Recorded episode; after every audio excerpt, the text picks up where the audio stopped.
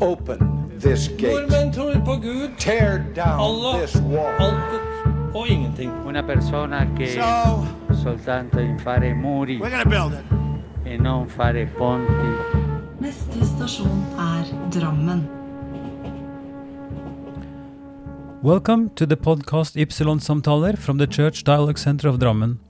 My name is Ivar Flaten, and in this episode I talk to Suleiman Nagdi. Suleiman was 19 years old when he moved with his family to Britain from Zimbabwe in the late 70s. The security situation was difficult and they had to leave Africa and start from scratch in Leicester. Suleiman spent all his spare time on voluntary work for the community and has been building structures of cooperation during four decades. Among these are the FMO, the Federation of Muslim Organizations in Leicestershire, where he is elected spokesperson for more than 200 organizations. The Muslim Burial Council of Leicestershire is another important accomplishment of his. In this conversation, he talks about his life and service that has made him both a member of British Empire, the MBE, and Her Majesty's Deputy Lieutenant, DL. I have noted, sadly, that parallel lives have started to be created with Hindu areas, Muslim areas, etc. I am quite sad that some of this has taken place. Hence, the need of mutual understanding of each other is even more crucial now, says Suleiman. Okay, good morning, Suleiman. It's uh, nice to see you on Skype. We were not able to, to sit together, but uh, all the same, it, it's good to see your face. And uh, how are you now? It's, it's the day after Eid. So please tell us a little about your Eid celebration. Sure, uh, absolutely wonderful to see you again after such a long time. Uh, Eid, of course, was yesterday, but the celebration normally runs for about three days. Yes. But the main day is yesterday. Now, of course, we face certain challenges due to the coronavirus, Mm. and one of them was social distancing. It is quite common for the Muslim community who have a large household to meet with each other, to have a meal, Hmm. to celebrate, to hug, and the general human interaction that we have. And all of this uh, did not take place as a result of social distancing. Yeah. But another challenge that we found that though it is not a religious requirement, however, uh, it is something that is uh, well recognized within the Muslim community that on Eid day, many people will also go and visit the cemetery, Yeah. you know, to pray for their loved ones, to remember Mm. the memories that they shared together, etc. Now, the challenges that we faced this particular Eid is you couldn't have thousands of people turn up to the cemetery. Hmm. So, as a result of this difficulty, what then happened is we had a uh, conversation with our local authority, who we call the city council, but I think you call it the municipality Yeah. in your part of the world Yeah. and uh, they agreed that the cemetery should remain open. But then, how do we manage large crowds? Hmm. So, part of my role that I work both with the Federation of Muslim Organization and the Muslim Burial Council of Leicestershire, in short, MBCO, we put out a communication across to our community to say that look, we can understand that uh, they would want to visit the cemetery on this auspicious day of Eid. However, how do we manage social distancing when there could possibly hundreds and thousands of people that turn up? Yeah. So, as a result, the plan that we came up with, and remember, this was a recommendation, hmm. not that we have any policing power over this, No. was that the local authority would have wardens present at the cemetery to help direct vehicles and individuals to the various places that they wish to go hmm. at the graveside. Hmm. Now, it was important for us to make sure that we had the minimum number of people that actually attended Yeah. the uh, cemetery. Yeah. So, what we said is over the last uh, few weeks, for those that have lost a loved one, it was important that we gave preference to them because many of them could not fulfill their religious rites Yeah. in relation to washing, shrouding, and the uh, logistical work of taking bodies across to the cemetery. So, as an act of charity, as an act of love, let's give preference for those that have lost their loved ones recently over the last few weeks, Yeah.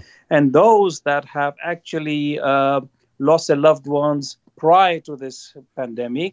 We should then allow for them to come a few days after Eid. Mm, yeah. And then we're in the middle of, of things because Suleiman Nagdi, you've been for a long time a spokesperson for the Muslim organizations of, of Leicestershire. And uh, I, I came to know you, I think it was back in 2007 uh, when I visited Leicester. Uh, and from then on, we've been communicating, and, and I've been I'm, I'm I learned a lot from you guys, from you and from from the other ones uh, working with the, the, the St. Philip's Center. But uh, and, and I, I need to know, of course, and learn more about how you handle the, the pandemic and, and everything for the community at large in, in, in Leicester and in UK. But but let's start with the beginning. Could we do that? Could you tell us a little bit about your personal self, how you came to, to UK in the beginning and where from, and and then yes, please tell us the story. Sure. Okay, so to start with, I have a what you call an Indian heritage. So my parents left from the subcontinent of India, hmm. settled in Africa. I was born in southern Central Africa. I was born in a small country called Malawi, hmm. from where I moved to Zambia. And then from the age of six, I went into what was former Rhodesia, which is now Zimbabwe Yep. and my formal education took place in in that Rhodesia, which is now Zimbabwe. So primary, secondary school uh, was there. Now the advantages we had uh, with uh, living in that particular country was that we were part of what was called the British Empire, the British Yes, mandated yes. territories. Yeah. So we were in touch with, of course, the British system, the legal system, educational system. Our papers came to Cambridge to be marked and came back. We sat hmm. British exams. Yeah. So, in every intents and purpose, we were British from childhood. Yeah. Also, because we were small in number, the Muslim community, the Hindu community, the Christian community, and people that came from Europe, hmm. we interacted with people from the churches from a very young age. I can even remember having to do the uh, Lord's uh, prayer and assembly every morning, which I still remember till today. so you can give you an, a background of our interaction with people from that part of the world. Yeah. So, Now- so Suleiman, uh, just to, to to make that clear, you went to schools uh, in the English tradition and English system as a as a more or less British citizens, uh, being of the, the Commonwealth. But uh, right. so uh, learning the, the Lord's Prayer in school, how was that? I mean, you're you're uh, from a Muslim family. How how how did that appear, and how how was your religious education as a Muslim uh, in your childhood? Uh, I I don't think there was any contradiction per se. The reason being that, of course, I came from a very strong Muslim family. So in the evenings, we went to what was called the madrasas, which are the supplementary, complementary classes. But what it did was it gave us an opportunity to understand other faiths of the world. And that in itself, I think, strengthened our faith. Some people may think that interfaith actually dilutes one faith, but mm. I found a lot of strength mm. in working with people of different faith communities. So, as an example, when I was a young child in Malawi, I suffered from asthma as a child. Mm-hmm. And as a result, my early sort of uh, preschool time was spent in a missionary place. Uh, the missionaries uh, actually helped me with my elements of asthma, so medical uh, provisions, etc. So the relationship was extremely good from from childhood, Yeah. and those are the memories that I carry with me till today. Yeah. So the, the, the, the view was of a positive nature, working with people of other faiths, remaining faithful to your own. Yeah. So I see no contradiction. And in fact, if we look at the three faiths of Christianity, Judaism, and Islam, they are regarded as the uh, Abrahamic faiths. And uh, sometimes people often ask me this question the God, Solomon, that you believe in, is it the same God as the Christians and the Muslims Yeah, believe in? And we- they absolutely is exactly the same God. Because if we all believe that there is one God, the creator God that we all believe in, then it has to be the same God. And if you look at the genealogy of prophets within Judaism, Christianity, and Islam, they're the same. The stories are very similar and sometimes more in one than the other. but the same theme repeats itself over and over again in all three faiths. Yeah. So I think we have far more in common than any theological differences. Yeah, and I yeah. think the problem of the world is we concentrate on the differences Mm. as opposed to the commonality, which is a creator God, to be a good, loving person, Mm. to hopefully come to the grace of God, and to be good to humanity. Because before I am a Muslim, I'm a human being. Before Yeah, you're a yeah. Christian, you're a human being. That's so right. let's Yeah. check our common humanity first. That is crucial. Yeah, and all this, of course, uh, these are your thoughts and your your um, uh, experiences through a long life. Uh, although you're a little younger than me, you're you're a grey bearded adult and, and, and wise man where you're sitting in your, your in your room there. But uh, I I'm also curious about your parents and your family uh, back in Malawi. Did they have the same notion of openness and and and, and a feeling of, of, of community to all faith groups also?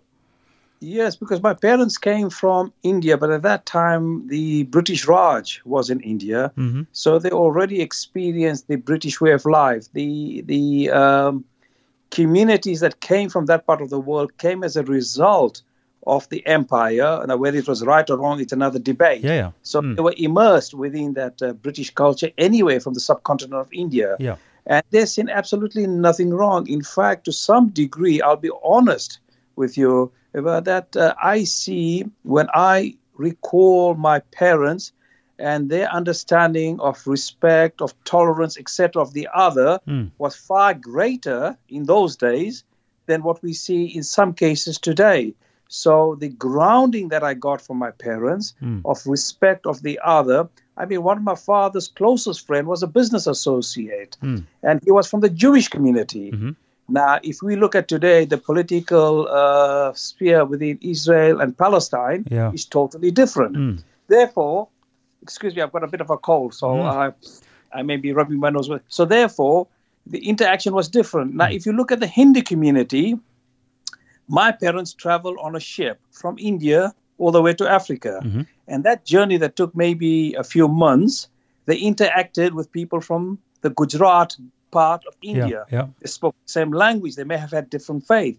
And when they settled in uh, in Africa, they were dependent on each other and drew strength from each other in relation to a, a new country where they've never had the knowledge of the Africa. It was what was the dark continent at that point, Mm. and they interacted in business Mm. and commerce and industry. Yeah. So there was a mutual need of each other, and that small community together gave strength to each other. Yeah. So we never put a difference between people of different faith. Unfortunately, when I came into the United Kingdom Mm. in Leicester at the age of 19 Mm. in 1976, Mm. um, and uh, I've been here for over four decades, Mm. I have noticed, unfortunately, that um, parallel lives are starting to be created Mm. where we have an all Muslim area, an all Hindu area. Now, that was not my childhood. No. I Mm. grew up un- un- under a different background, so Mm. I'm quite sad that some of this has taken place, and hence the need for more understanding of each other is even more crucial now. Yes, yes. Uh, you mentioned you came to UK uh, 19 years old. Uh, why was it that you had to leave Malawi and Africa? Wh- what was the background I- there? At that point, I, I I left what was then Rhodesia, which is now Zimbabwe. Mm. There was conscripted army, and people had to go into the armed forces, and there was people that disagreed primarily with war and you know the killing of people, whichever side you were on. Mm. And it was as a result of the security that was breaking down where we were. Mm. And because we always retained British citizenship and passports from childhood, Mm. the natural country for us to come was the United Kingdom, as if we are returning back to the homeland Yeah. that we never knew. Yeah. now, the advantage we had, Ivar, is this that we had the English language, Mm. we had the enterprise and business that were already in Africa. Mm. So, though we came with very little money or practically nothing, The language was the greatest advantage we had because we spoke English. Mm. And of course, we had the uh, commercial experiences of running businesses there. Yeah. So, therefore, in a place like Leicester, we had a large migration of people that came from Africa, East Africa, Uganda, Kenya. People came for different reasons, Mm. but we have done extremely well over the last 40 years. We have contributed politically within the educational system.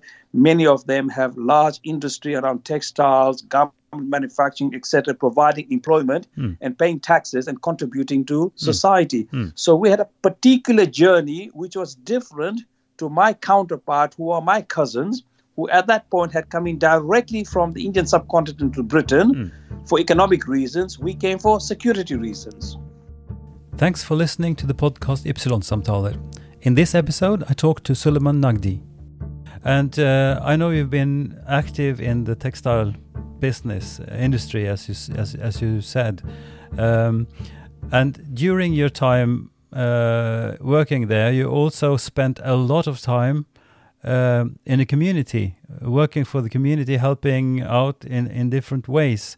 Uh, so, uh, tell me a little about that. What was your work specifically, and, and what kind of voluntary work uh, did you do?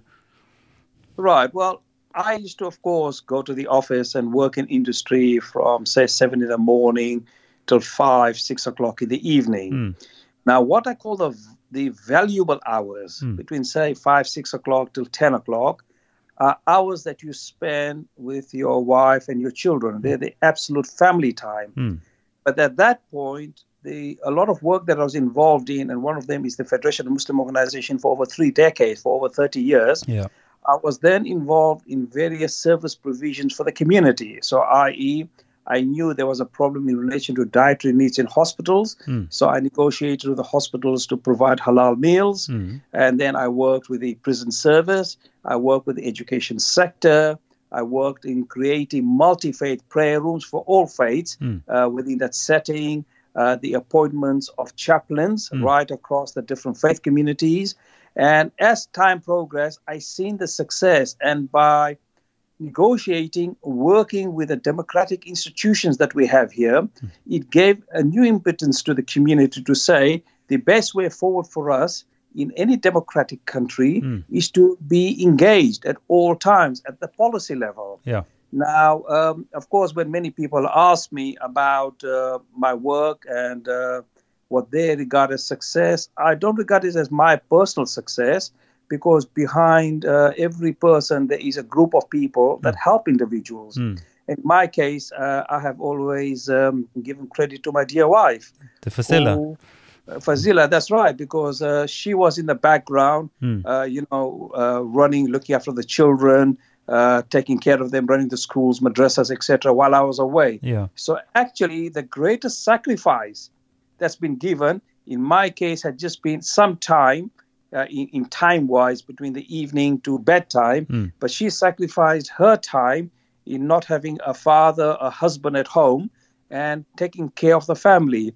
So, truly, when we speak about a lot of these issues, we must never forget the contribution that the better half, the other half, made. Yeah, but it's Uh, also it's also a sacrifice. I would say a sacrifice for yourself personally bec- because of your long hours in in your work first, and then spending all afternoons or at least a lot of afternoons away from your from your home. Uh, so not only uh, Fasila's uh, to credit to have managed so beautifully uh, your family, uh, but also for yourself to spend that much time. But but I must tell the listeners that I've been visiting you several times, and I'm I can report from a very harmonic and, and a very very nice family, and your sons uh, and and your your children has also developed nicely. So let's talk about your family a little. You have you've been in, in the police force, working in the, with the police force, and so your sons also. Yes, I ha- I've been involved in, in, in the police, uh, not as an employee of the police. No. I would regard myself as a critical friend of the police to ensure that the police service uh, is there to serve all sections of society. And um, at that particular point in my life, going back about 12, 15 years ago, I used to write a column for our local paper. And one of the columns I had written at that point was that um, we as an Asian community tend to particularly choose a half a dozen different career paths. Yeah. within a, and I'm not stereotyping, but t- traditionally within an Asian family, if your son or daughter becomes a doctor, Yeah. they have reached the pinnacle of all career paths. Yeah, that's the And best. They Yeah. become a doctor, they become a dentist, Hmm. they become a lawyer, they become an accountant, an optician, and if they fail at everything, they open a kebab shop, literally. so these are the sort of patterns that they followed. Hmm. And I question some of this uh, in, in some of my writings to the local press Hmm. to say, how about the probation service, the prison service, the police service? Because all these are public sector bodies that we need to support. Hmm. And my eldest son, who lived with us until he was 19 before he went to university out of Leicester, Mm. uh, went to study law.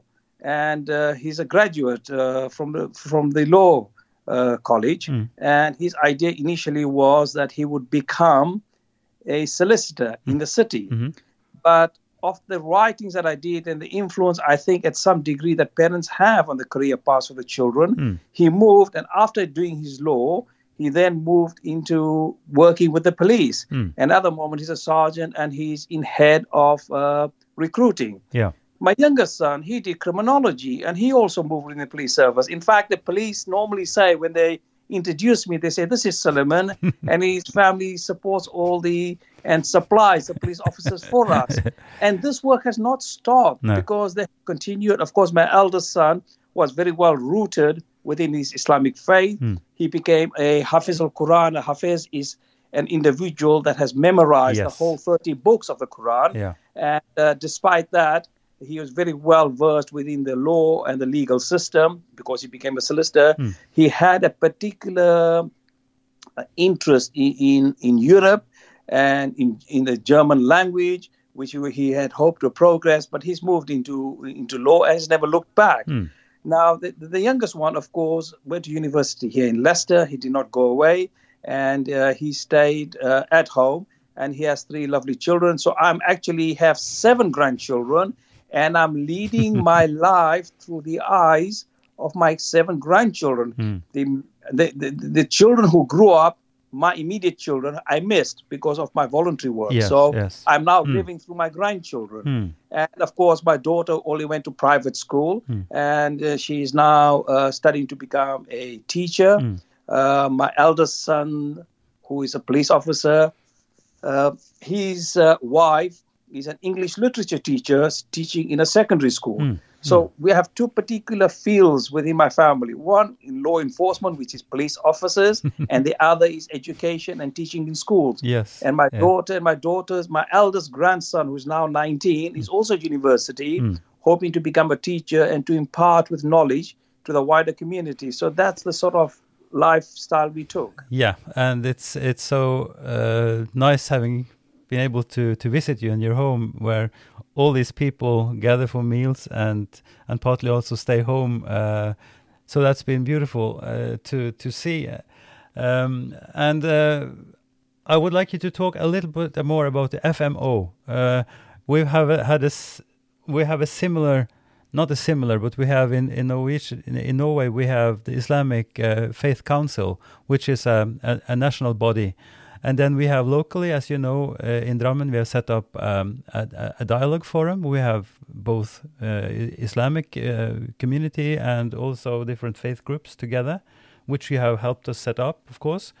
Um, but uh, tell us a little about about the FMO because I know that you're now the spokesperson for for FMO and it's a couple of hundred at least groups and and and your work has been uh, of such a quality of such a you've been you've been there for f- forever and and you're the person that that represent all all Muslim groups, so Yes, to speak. And and how, I mean, how is that even possible? Because of course, there's also very big differences between groups.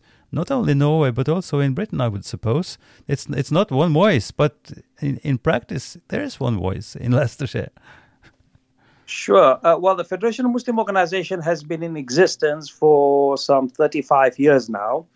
the position I hold is public relations officer, and it's an elected position, and that is important because in any society, when you claim to speak, uh, sometimes people use these terms uh, community leader. I'm not really fond of using the word leader because um, everybody has their own views on this. However, what we had up and down the United Kingdom at that particular time was that we had what we call Council of Mosques. So mosques that were formed together, but we never had a federal body like we have in Leicester, which is the FMO, in short for the Federation of Muslim Organization. Uh, currently, our um, affiliates are just around 200 or just over 200 hmm. affiliates, hmm. made up of, of course, mosques, but other funeral and other organizations like charity organizations, mm-hmm. uh, people's sports, and uh, various educational establishments, etc. Hmm. And the idea was we would be a non sectarian body. So, non sectarian means that within our membership, we have both Shia and Sunni and all the splinter groups that come from both schools of thought. So within even Shiaism and Sunnism, there is different different schools of thought. Yeah. And then of course we have to look at the migration pattern. United Kingdom has possibly one of the most diverse Muslim communities anywhere in the world. Because we have people that initially started with the uh, the general Muslim population from the indigenous population, very small, that came into the fold of Islam. If you go back, um, shall we say, 300 years at the time of the merchant navy and uh, port cities like Liverpool and Cardiff, uh, where the white indigenous population, some of them came into the fold of Islam, but very small in number. A large amount that then moved in from the Indian subcontinent, which is India, Bangladesh, and Pakistan, that settled in the UK. So we are talking now around the uh, 50s and 60s people like myself that arrived from in the 70s from Uganda, Kenya, Zimbabwe, South Africa, Zambia, Malawi. And as we're moving forward, we had a large uh, number of people that came as a result of the Bosnian War that had Yes, taken place, yes. more Yugoslavia. Going on from there, we had people that came from uh, not directly from Somalia, but many who had settled in Europe, in Scandinavian countries, and moved here. And in recent times, we've had people from Afghanistan, Iraq, and some of the war torn countries. So you have people from North Africa, from the Arab continent, from the South Asian continent, and all of these come with a life journey and experiences where they came from. Yes. Mm. Many of them, the only thing that we share, which is an important thing that we share, is a faith. Mm.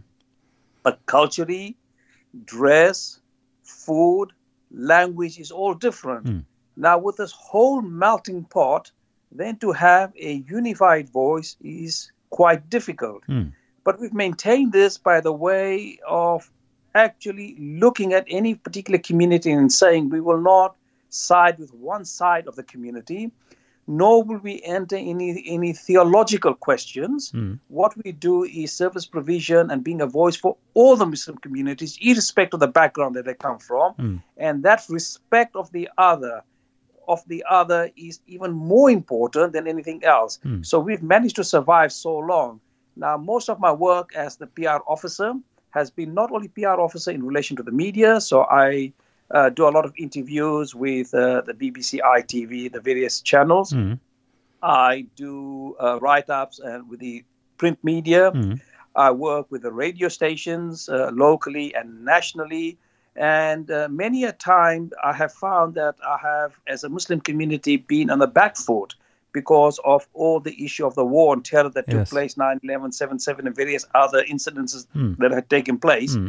So all of a sudden, there was a need to give a message out there hmm. that the vast majority of the Muslim community are peace loving people, law abiding citizens.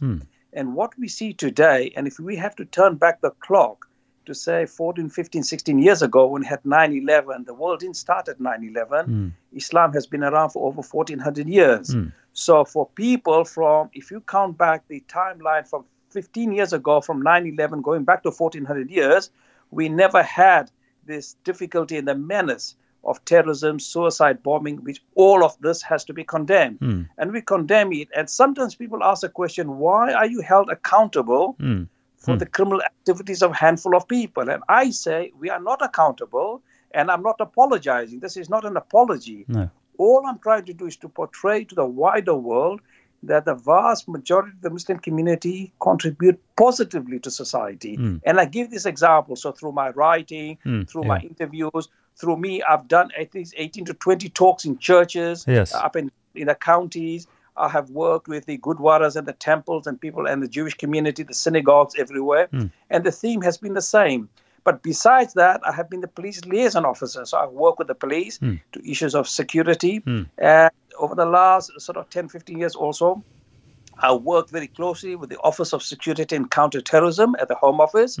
I have uh, worked with the Foreign Office. I've worked with the Department for International Development and the Charity Commission. Yeah. And each and every one of them is not to say that I am uh, taking the side of the establishment. I'm not part of the establishment, but I'm putting the community's point of view across and some of the concerns they have. But at the same time, I'm relaying government policy back to the community. So, as an example, as an example, we may look at the issue of armed forces, and we may look at it in the sense that uh, you know war in Iraq and and in Afghanistan, etc., which is deplorable because, of course, I will never support any war in any any part of the world because I find that a lot of innocent people die, and uh, war is not something that I can easily take. I can understand sometimes there are justifiable wars, but again, you know, that's left to interpretation another Yeah, time. yeah, mm. But the view that I get across is the armed forces are not only there in the combatant role, the armed forces are also there to help us Hmm. at the time of, say, a tsunami, an earthquake, when the floods have taken place. So there is a dual or more than a dual role Yeah. in relation to the armed forces. And as you start explaining that to the community, they start to understand and do not narrow down their vision because one thing they disagree with does not mean they disagree with everything else. No. So these are some of the roles uh, that I have Hmm. in both trying to relate to my community Hmm. Uh, what these social structures are there for, but at the same time tell government these are the fears and the concerns of my community, whether they're actually or perceived, they are the facts on the ground. And as I talked about the immigration patterns of the Muslim community, uh, there's always a tendency sometimes by government to have a policy for the Muslim community. Yeah, and I yeah. always say no such thing as the Muslim community. no. We are a community of communities Yeah. coming from different parts of the world, Mm. with different life journeys, different experiences, and all of that makes us a part of a community of communities. Thanks for listening to the podcast Ypsilon-samtaler. In this episode, I talked to Suleiman Nagdi. Yeah, and it's it's of course it's a very impressive list and a, a lot of experience that you convey now by by talking about your work, uh, which is unique and and it's it's been so interesting to follow you and also listen to what you're doing um, in the dialogue work in in Leicester. And as I said before, I met you first time. I think it was in 2007 with a study group from from the Church of Norway, and uh, I met with you in the context of St Philip's Center. Where uh, Dr. Andrew Wingate uh, was at the then uh, leader, and also Shanti uh, uh, the, the peace researcher, and, and, and also a great friend. Uh, say a little about your work because you were never um, an employee at the center. You were there as a as a cooperating body and, and helping out with with courses and, and, different things. How did that come by? How did you meet Andrew? Well, Andrew actually was in Birmingham, and he was uh, a advisor to the Bishop of Le- uh, Leicester, Tim Stevens, and that is when I first met him. And you know, he was one of those individuals that uh, you either take to immediately, or if you don't, he forces you to love him. So that is his unique personality that he has. And of course, he captured my mind and my heart. And we became friends. And it was just this morning that I spoke to him again. And, and, and I ring him every few days, you know, to check whether him and his uh, dear wife, Angela, are keeping well, you know, under the lockdown. Shanti, I still keep in touch with him. In fact, I visited Sri Lanka a couple of years ago. And um, the uh, we still maintain our contact with each other. Yeah. So th- that still continues till today. Uh, the reason why I um, joined the St. Philip Center was actually it was thanks to uh, Dr. Andrew Wingate, and he had a uh, conversation with the uh, Bishop of Leicester. Apparently, what happened is I was involved in community work, but because I came from southern Central Africa, I actually tried to move across to South Africa where I wanted to restart my life because it's your childhood memories. You were born in Africa, and I moved across there. And believe it or not, I met um Andrew again in Johannesburg. and he knew I was very serious about moving back to South Africa. So he came back to Leicester and he had a conversation with the uh, Bishop of Leicester. And the Bishop of Leicester then he got, got in touch with the local police and uh, the local municipality, our council, and says, I think we're going to lose Suleiman to South Africa unless we find a role for him here in Leicester and keep him here. Now, this was not something that I had planned. It was something that was working in the background with Andrew. And when I was summoned back to the bishop's office, they had put in a plan together to say that both the local authorities and the police would pay towards some of my work at the St. Philip Center uh, if I agreed not to go back to South Africa. and in fact, I can remember the police officer, the, the, the chief, which is the uh, chief constable, at that particular point said, Solomon, if you go to the airport, you start throwing out, we'll throw you back into our country. You are not going anywhere. so, so, so those are my pleasant uh, memories. Yes. And then after that, John Hall became the director, and now it's Tom Wilson, uh, who's the director. And I still stay attached to the center, but my uh, great amount of work on interfaith, traveling abroad, hmm. was mostly with Andrew. Yeah. So of course we came to Drammen. Yeah. We've been to Norway. Hmm. I've traveled with him to Turkey. Hmm. I've traveled with him as far as the United States. And that bond that we have. In fact, my mother-in-law, every time she sees Andrew, she tells my wife, "I think that is." My son-in-law's elder brother, so it's a passion, and you know how the relationship is. If Yeah. Andrew comes to Leicester, and he comes unannounced, Mm. and he knocks on the door, Mm. and he comes in, and we are sitting at the table. He will not hesitate to pull up a plate and sit down and help himself to the food. Or if I go to his house, Yeah. I would not hesitate No. to put the kettle on and make myself a cup of tea. No. So Mm. can you understand? It's, it's, uh, friendship is now reached to a point of kinship with each other. Yes, And yes. so there's a special bond that we have, Yeah. which uh, I'm sure will last us a, lo- a lifetime. Yes, and that's that strong feeling I had also uh, making friends with Andrew and Angela, and of course Fasili and yourself. Uh, there are stronger bonds that's just than just. I mean, uh, having met. It's it's a feeling of uh, if not kinship, uh, it's it's a strong friendship and a and a notion of the same purpose, uh, same purpose in life to serve the community and try to understand uh, what we should do to keep the community together. Uh, and and that I think is, as you said also in the beginning of our talk, um, the feeling is that this is more urgent now than ever.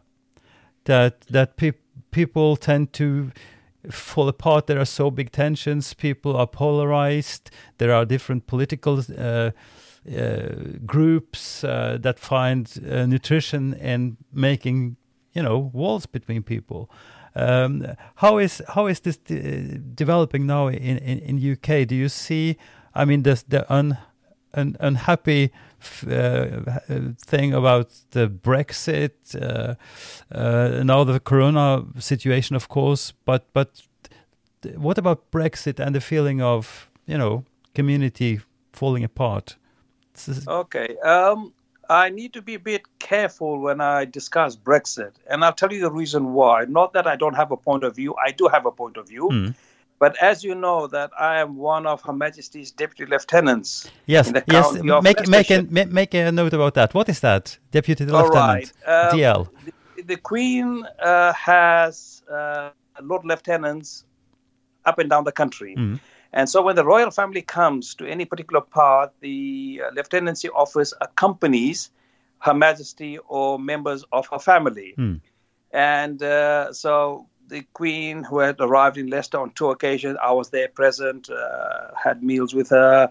I nominate people to go for the Queen's garden party.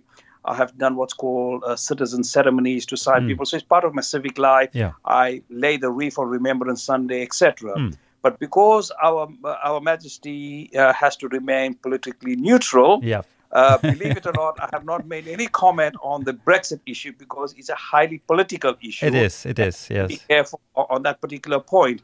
So uh, that is one of the roles, and, and, and I need to respect and honor that particular role. I understand. Because that role is uh, given to individuals uh, who have worked. And um one of the uh, organizations uh, that we started this conversation with, the Muslim Burial Council of MBCOL, was actually awarded the Voluntary Service Award by Her Majesty the Queen. So we can use her logos on a, on, on a lot of the um, stationery and the work we do. Good. And as a result of that, again, that story started some 25 years ago.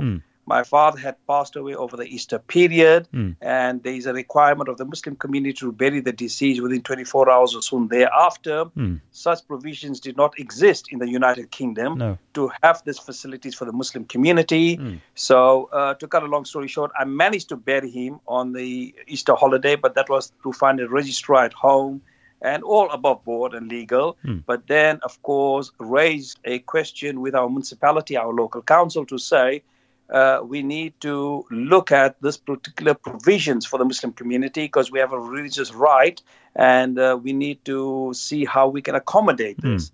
And after long negotiations, we formed what's called MBCOL, which is Muslim Burial Council of Leicestershire. And we then, armed with this, went to the local authority to negotiate service provision in relation to burials for the Muslim Yeah. And we signed the first historic document in Europe allowing Muslim access to burial facilities seven days a week. And I thought that was the end of my work. But that was just the beginning Yeah. of something much larger that I had not anticipated, which is that within the whole sphere of uh, burials, uh, to get permission is one thing seven days a week.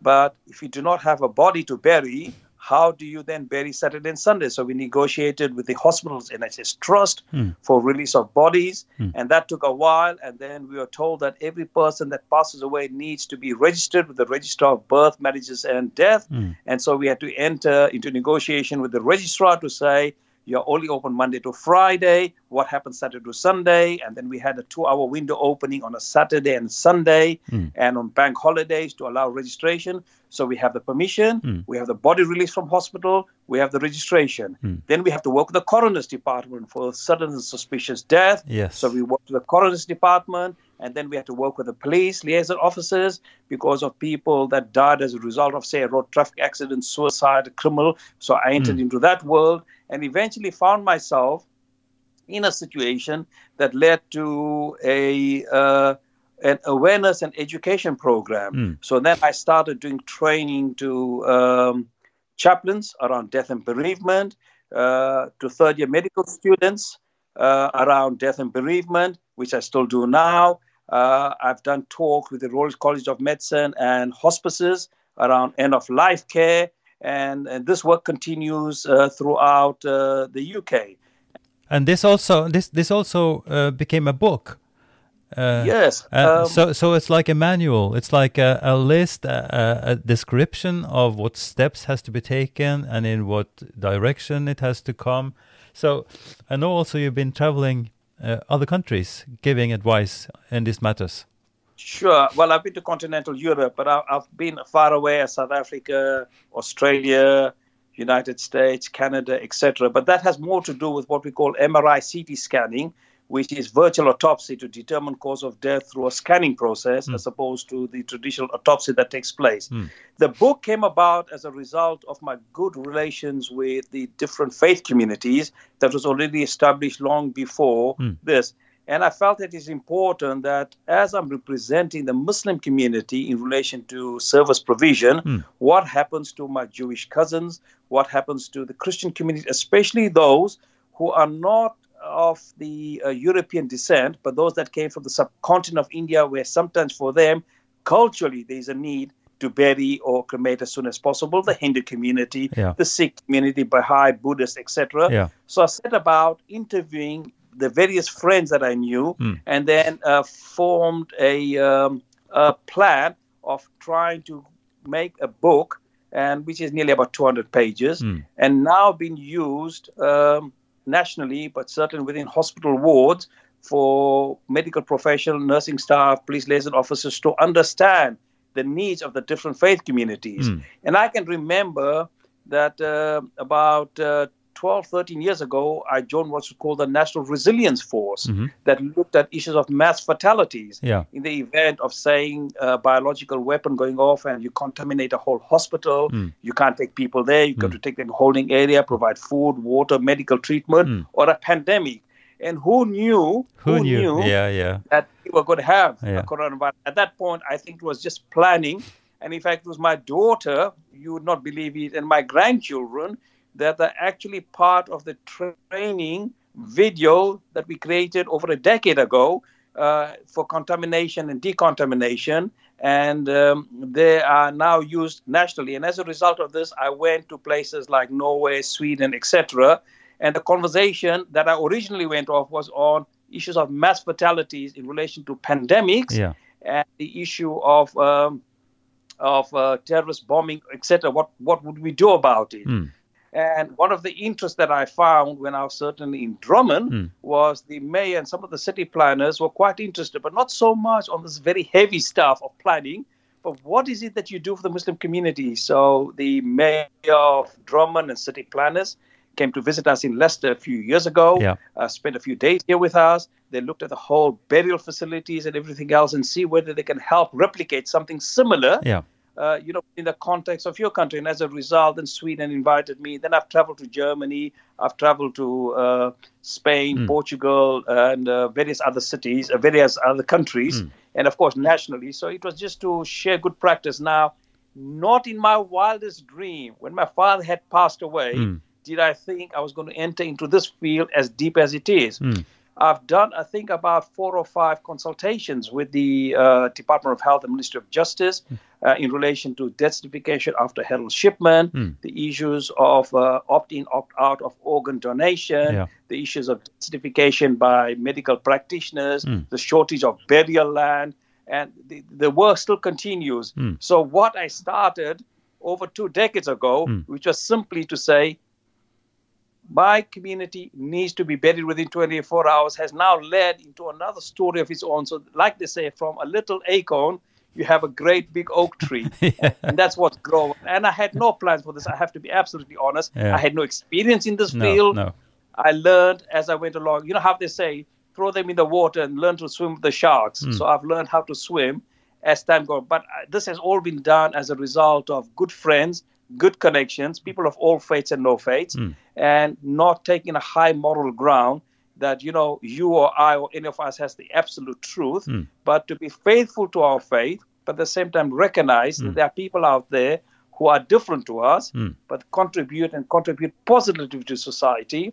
And that could be people of no faith as well. Some of the highest moral people I found was people of no faith as well. So I think it's as you're getting older and mature in time, Mm. you begin to understand that you don't have an exclusive right over humanity. Mm. Many people can. Your faith can give you a framework to Mm. work within, Mm.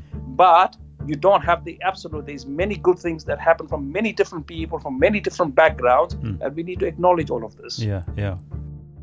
Thanks for listening to the podcast Ypsilon Samtaler. In this episode, I talked to Suleiman Nagdi.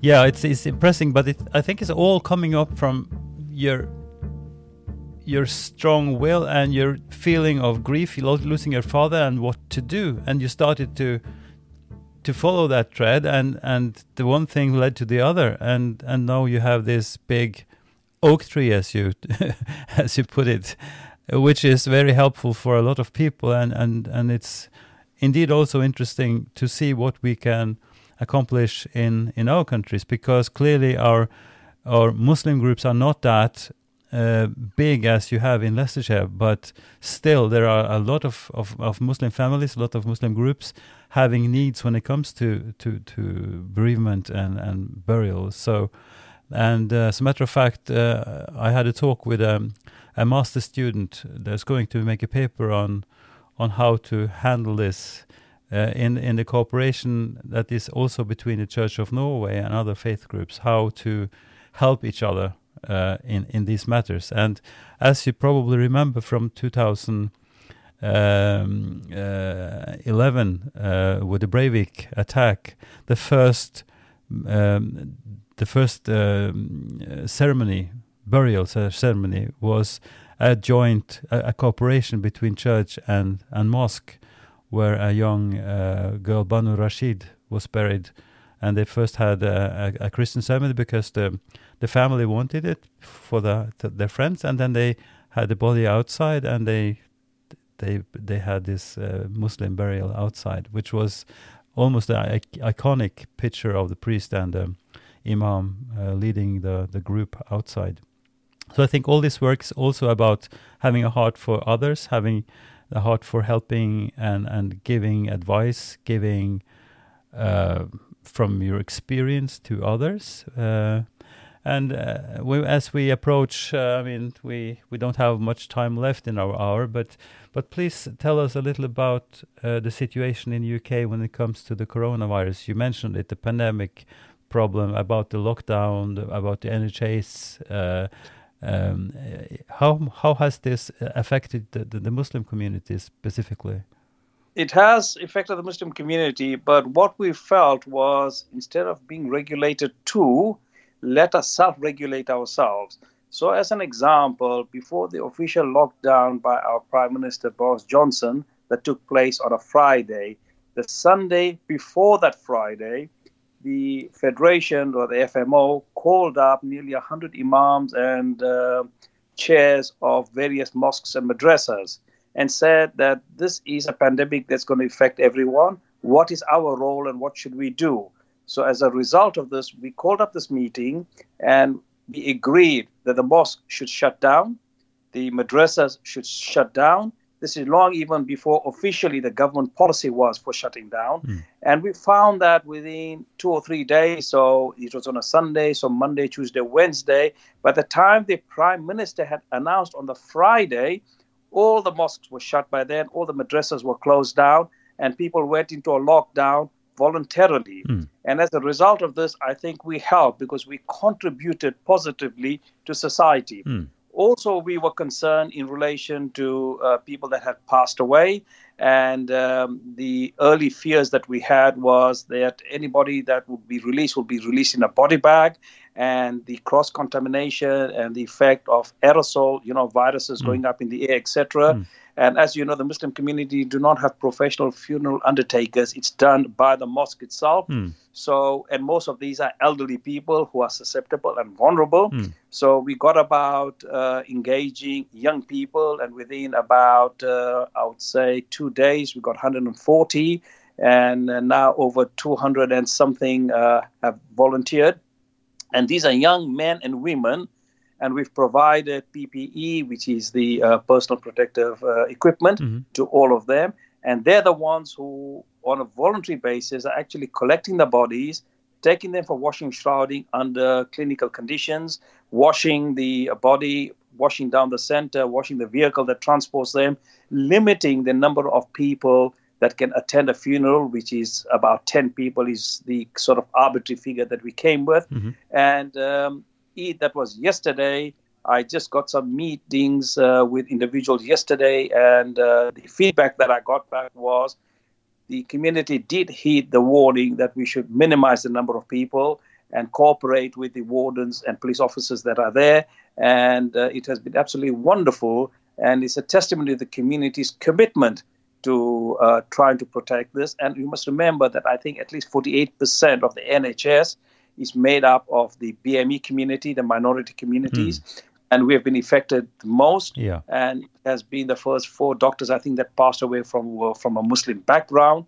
And um, our heart goes out to each and every person, irrespective of which faith they came from, mm. who have sacrificed so much mm. to try and upkeep this. And then every Thursday, my wife and my children, we all go outside at uh, at eight o'clock to clap, you know, for our NHS. Mm. And so much recognition has been given, and quite rightly so, mm. for the true heroes that we have, which is our health practitioners have put themselves in harm's way mm. to protect society.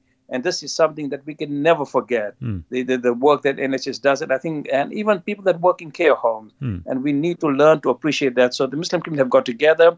What they did with the spare time after the mosque shut down, is many of them started doing food parcels. So the mosque around the corner from me did over 6,000 food parcels. Mm. And they supplied it to vulnerable homes, not Muslim homes, all vulnerable homes, mm. and uh, to make sure that the elderly were fed, were looked after, mm. and they didn't have to venture out. and this was all given free of charge as a donation from the community. So I think some positive things come back, and this is a time I think for reflection for all of us that are stuck at home to ask ourselves: that have we been taken too much by commercialization hmm. and by forgetting what it is to be a human being? Hmm. And I have thoroughly enjoyed, in some ways, though I'm sad of what's happened, that I have had time to bond with my children even stronger, my grandchildren, hmm. and start looking back and say, what is it that really makes life important? Yes. And it's not the designer clothes, it's not the fancy car, it's not the fancy holiday, it's a human being, one towards the other, all God's creatures, all born and brought up, hmm. and children of God. And that is where we should be focusing our attention on. So, for those that have not learned as a result of the coronavirus, then I would urge them to re-look at and revisit their life again and say, what is it that our purpose is on this planet? Hmm. And the greatest purpose I think we can have, and that has been demonstrated by people of all faiths and none, that it's our humanity, how they've reached up, how each one has hmm. helped yes. each one. Yep. And, and this truly makes us different from the rest of creation, our love and care for each other. How do you vision the future? Uh, you you you said just a little about it that we have to learn from this pandemic, try to reflect how to live our lives, lead our lives uh, in the coming years. Um, uh, how how do you figure this will uh, f- play out? We had our first uh, proper service in church. I was leading as the as the minister uh, yesterday, and we had 50 people in church. That is the limit at present. Sitting with social distance, uh, having strict regulations on cleaning and all, all these things. Um, how long do you think uh, do we have to plan for a new a new normal, a new a new type of future? Well, first of all, until we do not get a vaccine or other ways of medically treating each one, this social distancing, I think, is with us for quite a long time. Hmm. Now, we should not break this because there could be a second or a third wave of innocent people who may die. Sometimes people say, Well, I'm feeling absolutely healthy. You may be, but you may be endangering the other person's life. That's very important that we, we, we maintain Yeah, yeah, Secondly, I have spoken to some Muslim brothers in the initial stages when some of the mosques, etc., were shut down or places of worship. And my answer at that particular time was this that is one's faith based on a building, a physical building, or is a faith in our very heart, in our very soul? Hmm.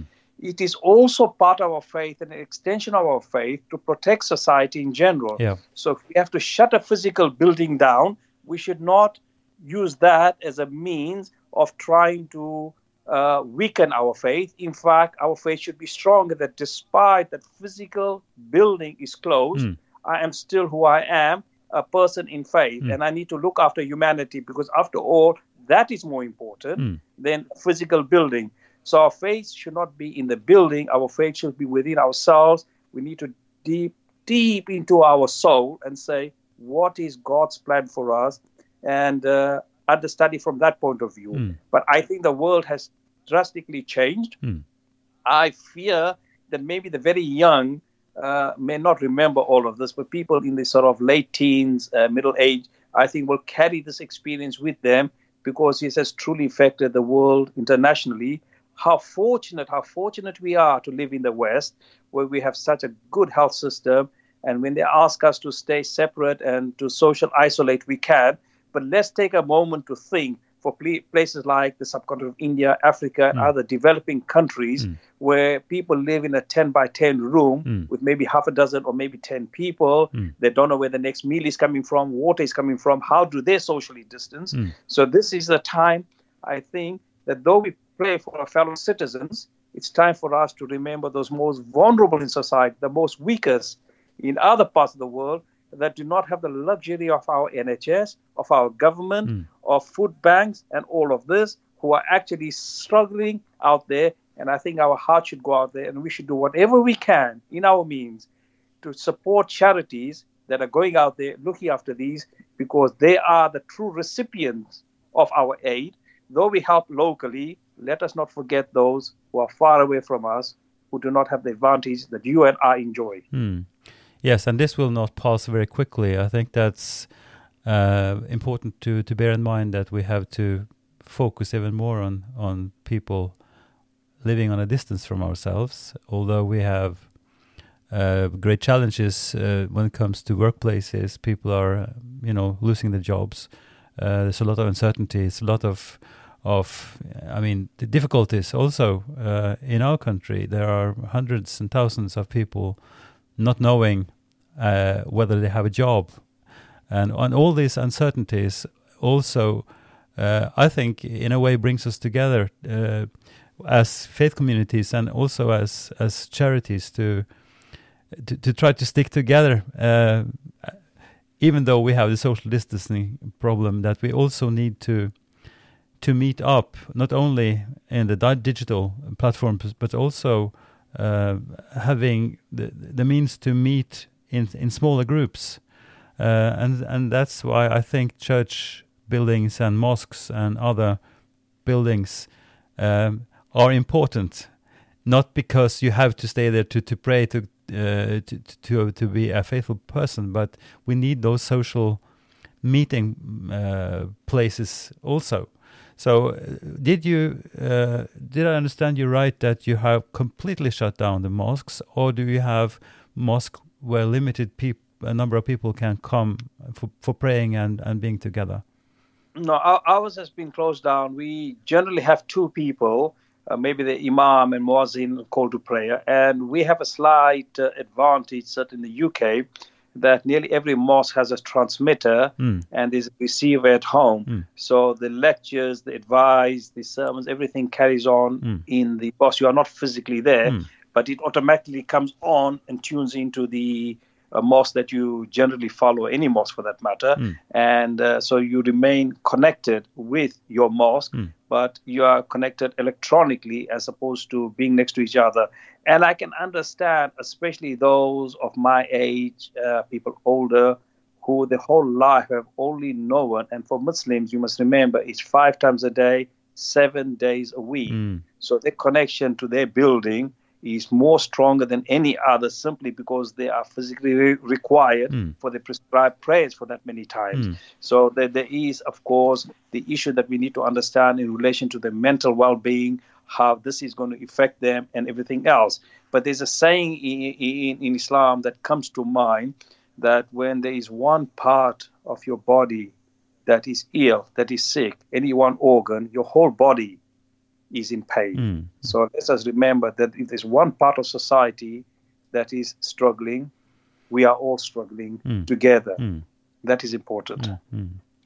Suleiman, as ever, it's been a pleasure talking to you, and uh, I'm happy you took time for this uh, podcast. And um, I wish you well in your work and for your family, and in the community work that you still continue, even though you're working from home at this moment but I, I, must thank you also personally, uh, your wife and your children. Uh, you have become part of the family. Uh, I have been to Drammen a number of times. You have opened up your home to me. You have opened up your heart to me, and for which I'll be eternally grateful. And it is these kind of bonds, these kinds of strength, though we are thousands of miles away. Uh, may the Almighty keep that strength mm. going between us. And uh, may we remember one thing and which I've said from the beginning, the issue of leadership is not there. The issue of service. In Islam, they call it khidma, which in English is translated as service. Mm. Let us be of service to humanity in the best possible way we can, because after all, um, I'm sure Christianity has this, but in Islam, there's two particular points the Quran makes over and over again: mm. bring faith and do good deeds. Bring faith and good deeds. Mm. So the two things must go hand in hand. Mm. And this is one way that whichever listeners listen to this, if they contemplate whatever faith or no faith there are, but good deeds must continue because that is what makes us a loving, caring creation of the Almighty. Thank you again. Thank you. Thanks for listening to our podcast Ypsilon Samtaler. If you master the Norwegian language, you can read about us at www.ypsilonsamtaler.no. There you will find a short presentation of all our guests with links to the episodes. You may, of course, subscribe to Ypsilon Samtaler on your favorite podcast app. Ypsilon Samtaler is supported by Drammen Municipality and the Ministry of Children and Families.